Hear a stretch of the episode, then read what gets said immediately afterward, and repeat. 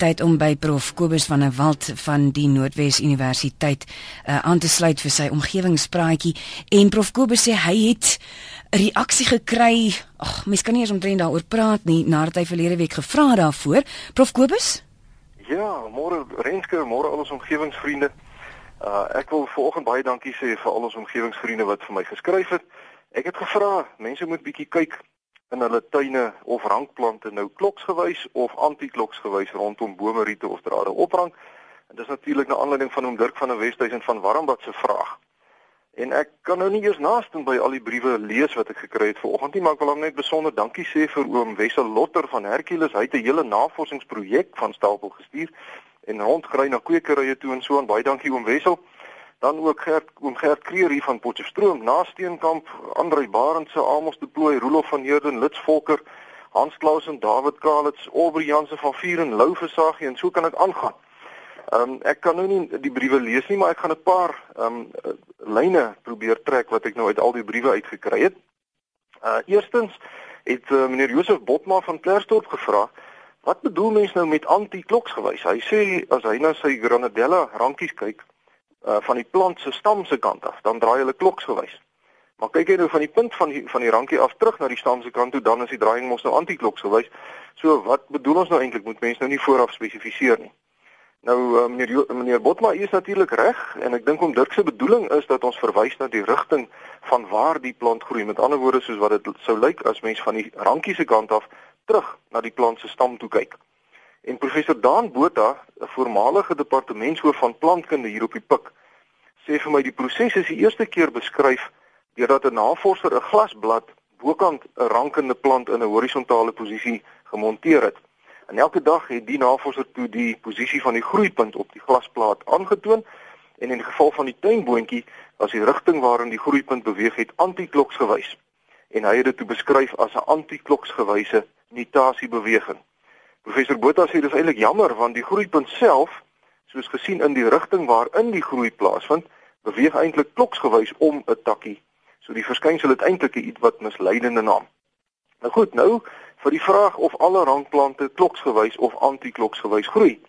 En Johan Rousseau sê hy het 'n tyd gelede in 'n artikel in 'n Engelse tuinboutydskrif gelees, ehm um, dat plante in die suidelike halfrond in 'n antikloksgewyse rigting rank en die in die noordelike halfrond in 'n kloksgewyse rigting. Hy vra of dit dalk verband hou met die Coriolis effek wat veroorsaak dat die atmosferiese sirkulasie in die twee halfronde altyd verskil.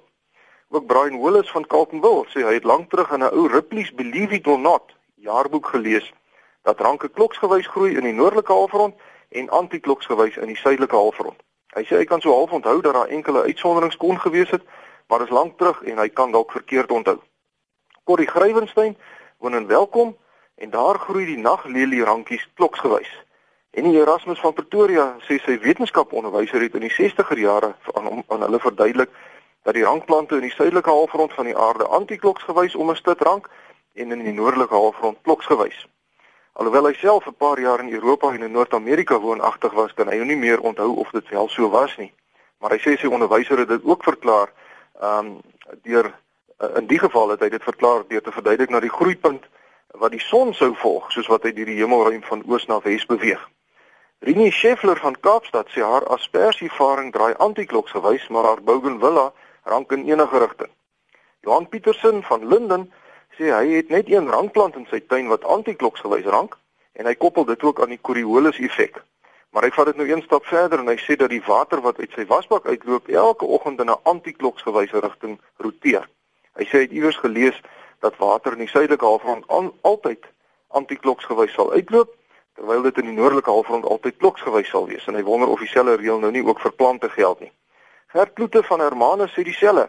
Hy sê oom Dirk van Warmbad se boontjies is soos alles op aarde onderhewig aan die aarde se rotasie, net soos die water wat uit 'n bad uitloop en ook die draaikolk van 'n sikloon. Ek gaan volgende week uh, Renske as ons gespaar bly sal ek so 'n bietjie meer sê oor die Coriolis effek. Maar terug by die plante. Van Kokemoer van Boksburg skryf, hy is eintlik verbaas oor die vraag want hy het gedink dat almal weet dat dit 'n feit soos 'n koei is en dis net sy woorde dat alle rankplante in die suidelike halfrond antikloksgewys oprank, maar noord van die ewenaar rank die plante kloksgewys en ook hy skryf dit toe aan die Coriolis effek. Andrei Barendse van George en ook Rudolf van Heerden van Potchefstroom stem saam dat rankplante hier in Suid-Afrika antikloksgewys roteer en dat dit aan die draaiing van die aarde toegeskryf kan word. Pieter Steenkamp skryf dat sy seun, ook Pieter, wat nou in graad uh, uh, 11 is, op 'n wiskunde pretdag geleer het van die Fibonacci getalle. En hy wonder of dit nie dalk die antwoord vir die rankboontjies is nie. Ek sal ook in die toekoms 'n bietjie daaroor gesels. Dis baie interessant. En dan omgewingsvriende het 'n hele paar mense gemeen dat die antikloksgewyse draaiing in die suidelike halfrond dalk eerder toegeskryf kan word aan die feit dat plante agter lig aangroei. Dirk Dals skryf dis eintlik baie eenvoudig. In die suidelike halfrond ervaar alle lewe die son se baan deur die hemelruim as antikloksgewys. Selfs ou groot bloekombome is antikloksgewys opgekrul op sommige plekke in Suid-Afrika. Hy sê die rankers groei so vinnig dat die groeipunte die son volg deur die dag. En saans is dit dan nou aan die donker kant en reeds weer op pad ooswaarts om die son te vind vir die volgende dag se rondom Talie. Ene Hoffie van Jeffreys Bay deel hierdie mening. Hy sê as iemand in die suidelike halfrond nou oos kyk na waar die son opkom en volg die son uh deur die dag, dan gaan jy dit al al na die linkerkant toe moet omdraai om die son te kan volg want die son uh, se baan is mos so effens na die noorde toe. Groenplante se groeipunte is fototropies, dis soos Hoffie sê, en daarom volg hulle dan die son en die son trek dus as ware die rankie linksom. In die noordelike halfrond sal dit dan nou andersom gebeur. Oom Bert Oubink hier van Potchefstroom meen ook dat die ligsensitiwiteit van plante uh die en die relatiewe beweging van die son dan nou die oorsaak is vir die rigting waarin hulle rank. En net so ook meneer David Kalitz van Hartenbos. Hans Clausen van Gordons Bay wonder of die rotasierigting van rankers dalk iets te doen het met verskillende spesies. Met ander woorde, sekere tipe plante draai altyd in 'n sekere rigting, want in sy tuin rank die boontjies antikloksgewys, maar sy jasmyne rank kloksgewys. Nou ja, omgewingsvriende, so kan ek aangaan om nog tientalle briewe te noem, maar ek is bevrees die meeste mense sit die spreekwoordelike pot so bietjie mis. Professor Daan Botha, ek het reeds na hom verwys, die afgetrede voormalige departementshoof van plantkunde hier op die Pik, het vir my die korrekte feite gegee. Prof Dan sê dit is wel waar dat die oorgrootste meerderheid van rankplante in Suid-Afrika antikloksgewys rank, maar die bewe eh, dat plante in die noordelike halfrond andersom rank is nie waar nie.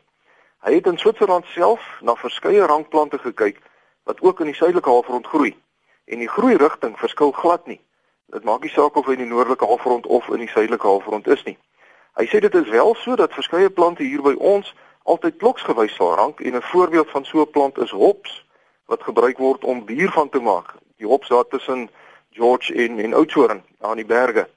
Maar dan het professor Dan ook byvoorbeeld 'n sekere tipe aspersieplant gekry waar een en dieselfde plant beide bewegings uitvoer. Pieter Henning van Durban wil en Piet Uys wat nou nie gesê het van waar hy is nie, het vir my twee wetenskaplike artikels gestuur wat professor Dan Botha se standpunt ondersteun. In die eerste artikel wat in 2007 gepubliseer is, in Global Ecology and Biogeography bevind plantkundige Angela Moles van die Universiteit van New South Wales in Sydney, Australië, dat 92% van alle rankplante op aarde antikloksgewys rank, ongeag van waar op aarde hulle groei. Sy het oor 3 jaar 1485 waarnemings gemaak in 75 verskillende ekosisteme, vanaf die arktiese toendra in Groenland in die noordelike halfrond deur die tropiese reënwoude in die Kongo, in Peru, Panama, China, die woestyne van Australië en Israel, die grasvlaktes hier by ons in Suid-Afrika, ook in Australië en Zambië, die woude in Amerika, Swede en Noorwe en tot sover suid as die toendra in Suid-Patagonië. En by verre die meeste plante rank altyd antikloksgewys. Haar gevolgtrekking was dat die rankrigting van plante daarom onafhanklik is van die rotasie van die aarde of van die baan van die son deur die hemelruim en dat dit eerder toegeskryf moet word aan 'n aardige voorkeur van alle biologiese molekules op aarde om linksom te wil roteer. So is die rotasie van 94% van alle seeskulpe byvoorbeeld ook linksom of antikloksgewys. Nou hierdie verbasende bevinding word tot 'n mate verklaar deur 'n nuwe artikel wat 'n paar dae gelede op 5 Mei verjaar in die gesaghebende tydskrif Nature gepubliseer is, waarin navorsers van die Japannese NARA Instituut bevind het dat mutasies in die proteïene wat die vorm van selwande beïnvloed, verantwoordelik is vir die rigting waarin organismes se groei neig. En dit lyk of die voorkeurrigting van by verre die meerderheid lewe op aarde altyd antikloksgewys is. Maar die presiese rede hiervoor is iets wat nou nog verder nagevors moet word. Die laaste deel van hom Dirk van der Westhuizen van Warmbad se brief oor die rankrigting van plante het gegaan waarom ons ook linksom 'n atletiekbaan hardloop en waarom dansers en ijskaatsers gewoonlik ook linksom draai. Hy sê die hamergooiers op die atletiekbaan en ook werpskuifatlete draai ook linksom en ons roer ons koffie ook in 'n linksom rigting antikloksgewys.